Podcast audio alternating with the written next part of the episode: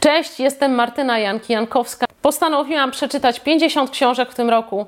To jest jedna z nich, Tim Grover, Nieustępliwy. Dzisiaj druga lekcja z tego, co Tim Grover mówi, żeby być bezkonkurencyjnym. Każdego dnia zmuś się do niewygody, pogonaj apatię, lenistwo i strach. W przeciwnym razie Następnego dnia będziesz musiał zmierzyć się z dwoma rzeczami, których nie chcesz zrobić, później z trzema, czterema i pięcioma. A wkrótce nie będziesz już nawet w stanie zająć się tym, co było pierwsze. Wtedy będziesz jedynie mógł ukarać się za bałagan, jaki sobie zafundowałeś. Stworzysz też barierę mentalną, która nie pozwoli ci poradzić sobie z barierami fizycznymi. Mogłabym ten fragment odnieść do siebie, e, do przerwy świątecznej która kompletnie wybiła mnie z rytmu. Ostatnio mój znajomy powiedział, że on już od kilku lat nie robi sobie w ogóle świąt e, i pracuje w święta i przez cały ten okres międzyświąteczny, bo w pewnym momencie było tak, że zaczął się budzić w środku stycznia i wracać do formy. E, I chyba też tak zacznę robić, bo e, zauważyłam, że jak odkładasz jakieś rzeczy, nawet jeśli powiedzmy dajesz sobie luz, bo e, właśnie są święta, jest przerwa między świętami i chcesz sobie dać luz, odpuszczasz jedną rzecz, to potem okazuje się za chwilę, że odpuszczasz kolejną i kolejną i to już idzie e, tak bardzo szybko, w pewnym momencie orientujesz się, że już kompletnie nie robisz tego, co robiłeś wcześniej i nie jesteś w stanie się zmobilizować do tego, żeby, żeby wrócić do tego, co było wcześniej. Dlatego, że za każdym razem, kiedy yy, olewasz tą jedną rzecz, jedną, drugą, kolejną, to oddalasz się od tego, co było. I będzie ci bardzo trudno cofnąć się. Będziesz musiał bardzo dużo w pracy włożyć w to, żeby e, krok po kroku znaleźć się w punkcie wyjścia. Więc najlepiej jest nie dopuszczać w ogóle do tego, żeby odpuszczać sobie cokolwiek. No wiadomo, że są e, różne ekstremalne sytuacje, ale jeśli nic dramatycznego nie dzieje się w Twoim życiu, to słuchaj Tima Grovera i nie odpuszczaj niczego, bo będzie to lawinowo szło. Najpierw odpuścisz jedną rzecz, potem niespodziewanie okaże się, że kompletnie nie robisz tego, co robiłeś wcześniej, a powrót będzie ciężki, tak jak e, wspomina w ostatnim zdaniu, które e, zacytowałam, stworzysz barierę mentalną, która nie pozwoli ci poradzić sobie z barierami fizycznymi. Więc o, będzie tak, ja tak miałam po przerwie świątecznej, mm, że ogarnie cię paraliż, ogarniał mnie paraliż i nie wiedziałam od czego mam zacząć. I tak naprawdę ta bariera w mojej głowie, bo się odzwyczaiłam od swoich nawyków, od e, swoich rutynowych zadań, jakie miałam do tej pory, e, i nie mogłam się zmusić do tego, żeby fizycznie wykonać te rzeczy, chociażbym chciała. Kolejny cytat, zaznaczam sobie, jestem już w połowie książki, także chyba pójdzie mi szybciej niż w tydzień.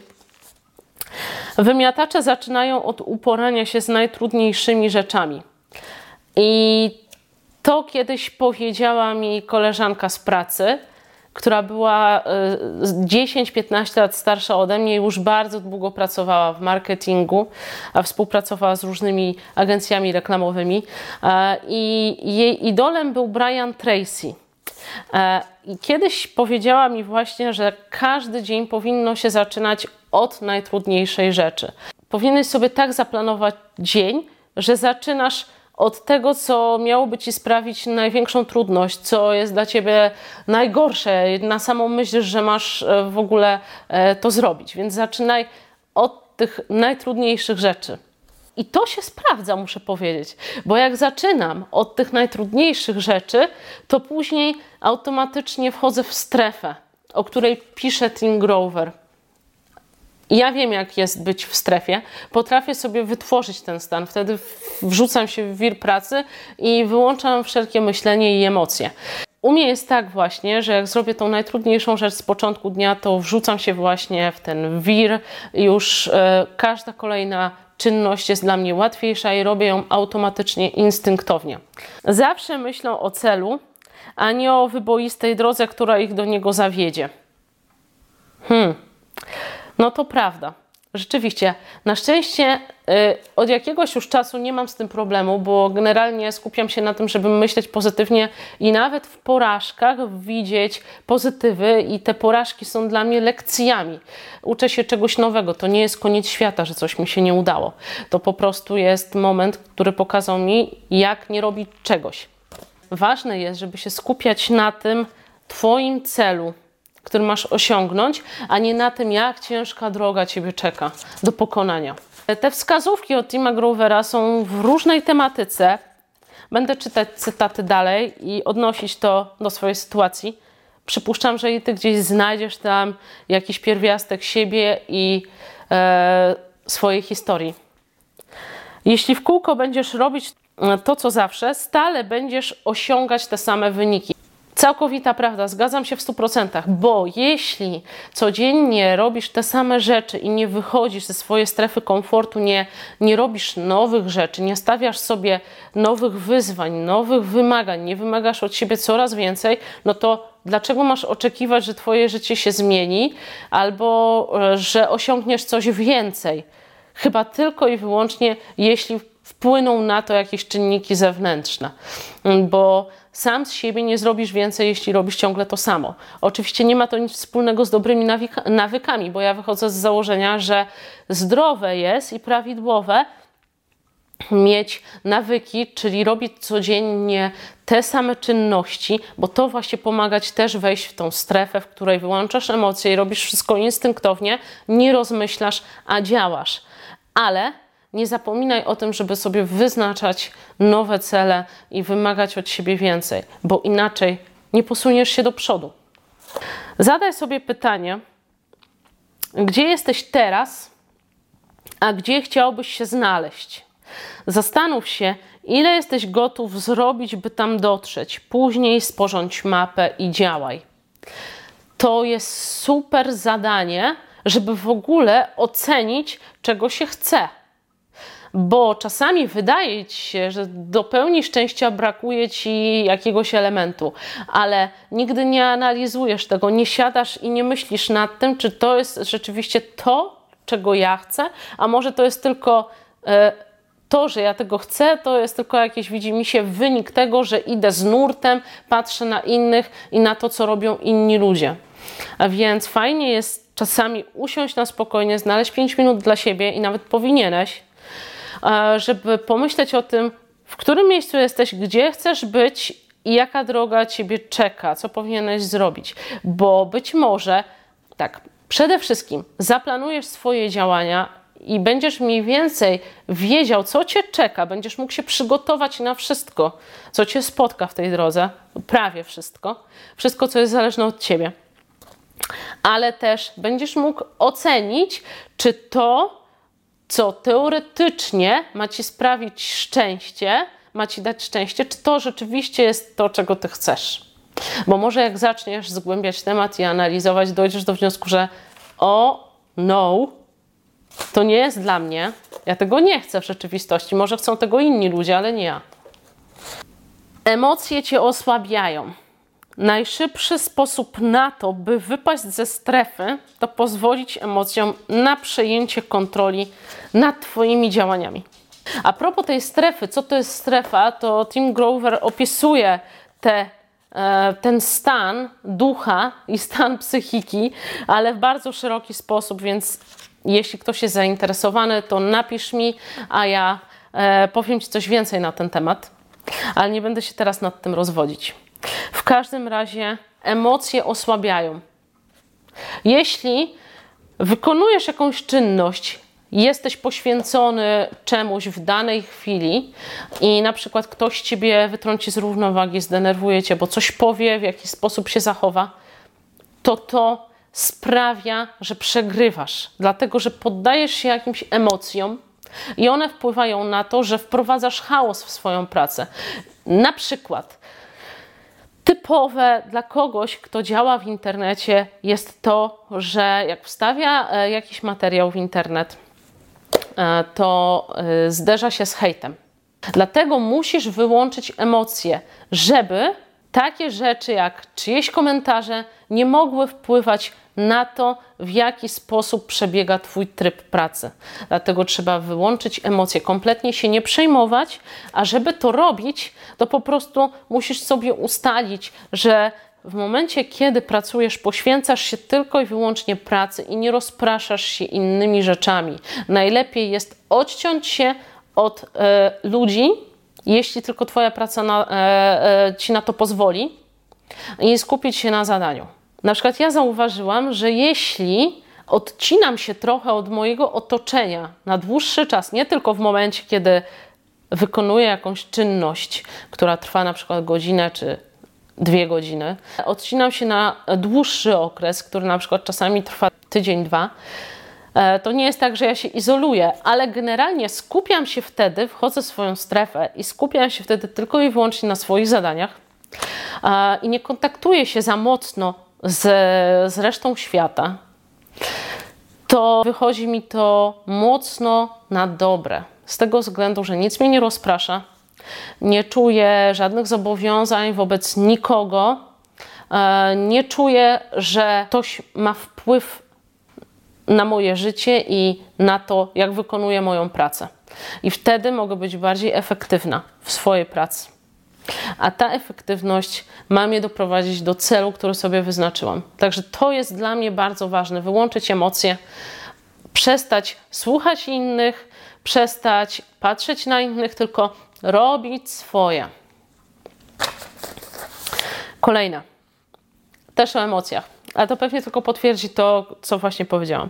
Emocje odciągają Twoją uwagę i pokazują, że straciłeś kontrolę, a ostatecznie rujnują Twoje wyniki. Zmuszają Cię do myślenia nad swoim samopoczuciem, a Ty przecież nie możesz myśleć. Masz być tak przygotowany, by pogrążyć się w strefie i działać z wdziękiem oraz poczuciem misji.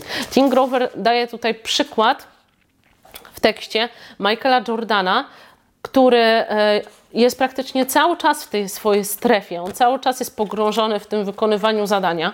E, I na przykład e, pisał o tym, że Michael Jordan na dzień przed jakimś ważnym meczem nigdy nie przyjmuje gości.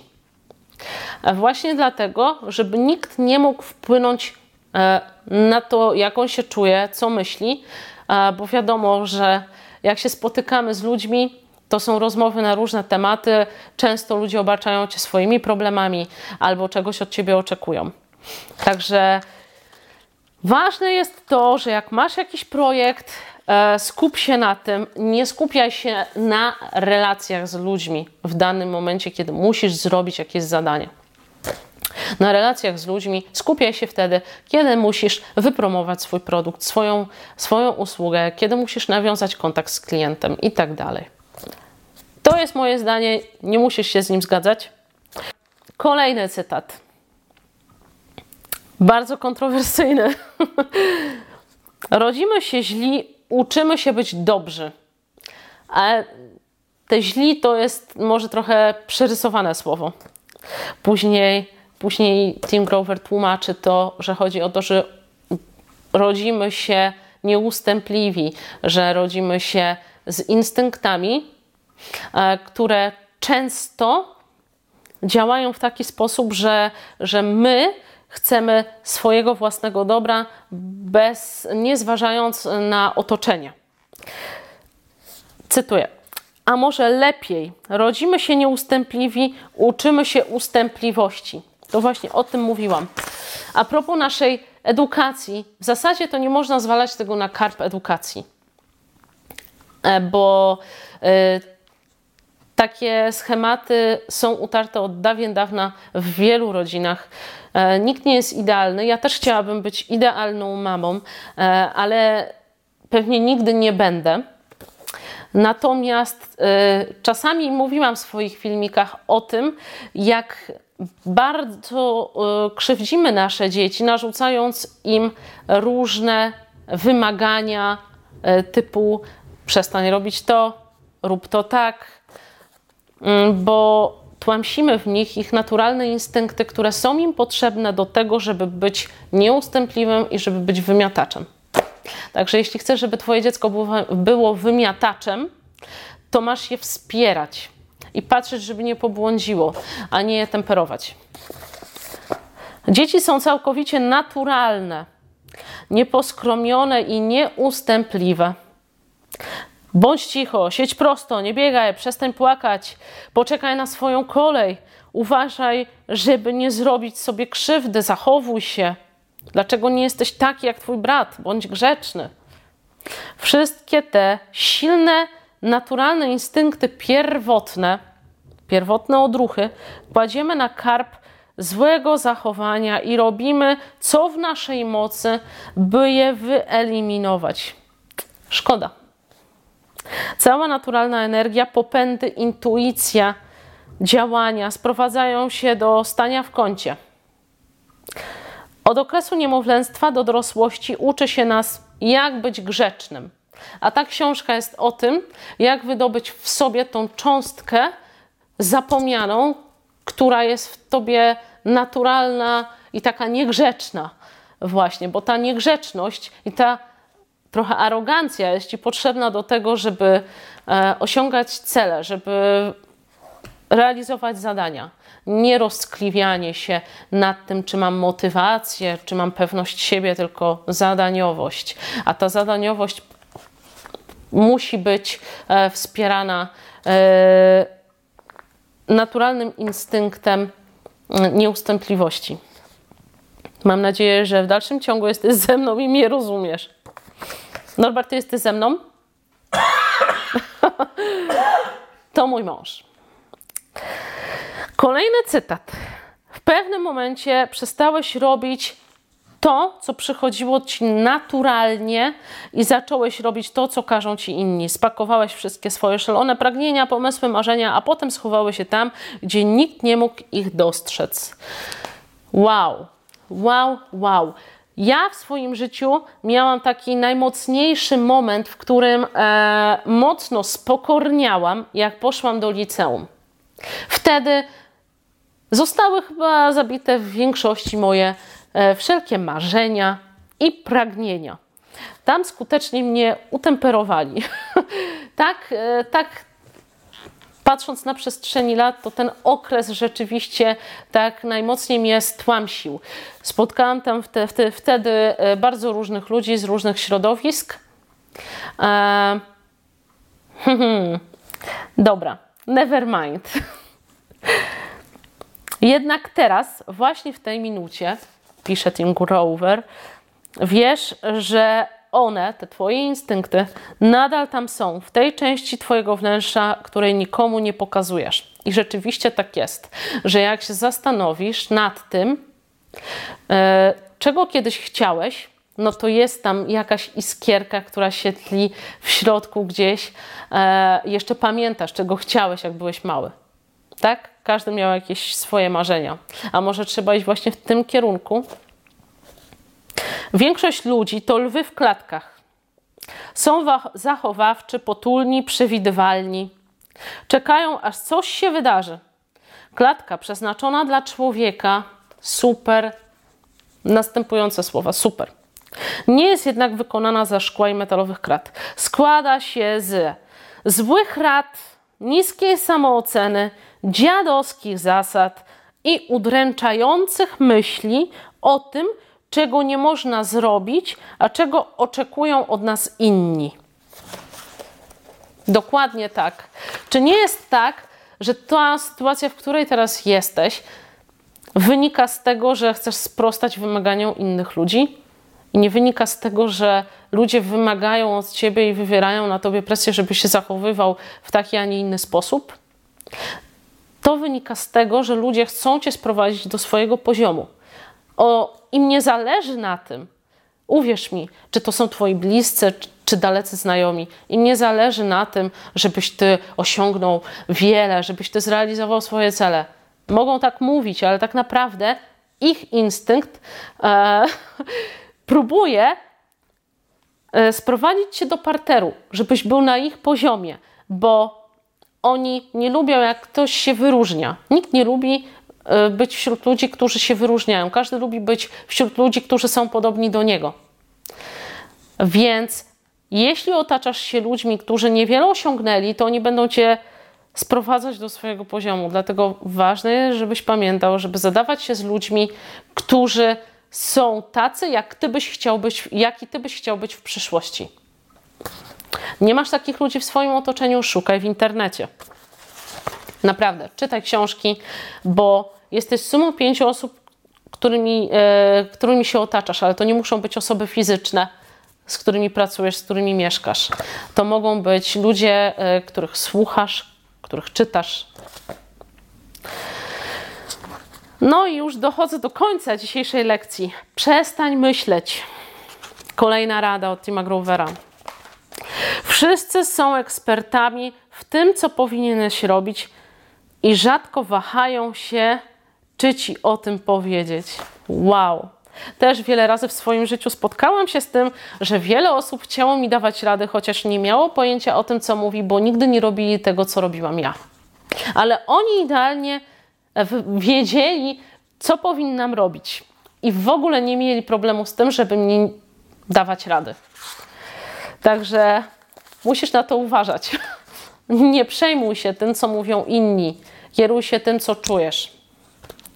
Typowy wymiatacz nie tylko się uczy, ale znajduje sposoby na dopracowanie tej wiedzy. Każde działanie staje się instynktowne, jeśli tylko jesteś gotów włożyć czas i pod stworzenie arsenału spontanicznych reakcji. Jak wrzucasz się w wir pracy, jesteś w strefie, a ja tak robię, że jak y, siadam do komputera i zaczynam pracować, wysyłam gdzieś na boki te rozpraszacze, które gdzieś tam są, y, nie patrzę na Facebooki i tak dalej, to E, im więcej pracuję, im więcej razy ten proces przerobię i dane sytuacje, to tym większe mam doświadczenie i wtedy łatwiej podejmuję decyzje i szybciej przychodzą mi różne reakcje. Co ułatwia mocno sprawę, jeśli chcesz dojść do jakiegoś momentu, bo przyspiesza. Przestań czekać, aż nauczysz się czego, czegoś, co już wiesz. No właśnie, i ta tendencja, która teraz jest, że ludzie e, kupują tysiące różnych kursów, szkoleń, czytają tysiące książek, słuchają tysiąca podcastów i nie robią nic. Tylko słuchają i czekają na ten moment, na tą iskrę, która ich zmotywuje. A to jest tak, że dopóki sam nie ruszysz dupy, to nikt za ciebie niczego nie zrobi. Więc przestań się szkolić, przestań szukać, a zacznij działać. Wykorzystuj to, co już wiesz, a na pewno wiesz bardzo dużo. Jeśli oglądasz ten film, to znaczy, że wiesz bardzo wiele. Mam nadzieję, że wytrwałeś do końca. Dzięki Ci wielkie za obejrzenie drugiego odcinka o tym. A mój komentarz do książki Nieustępliwy Tima Grovera. Zapraszam Cię do subskrybowania mojego kanału na moją stronę www.ping.com.pl do zapisania się do mojego newslettera, gdzie będziesz mógł odebrać różne darmowe materiały, w tym darmowe lekcje wideo. Dzięki!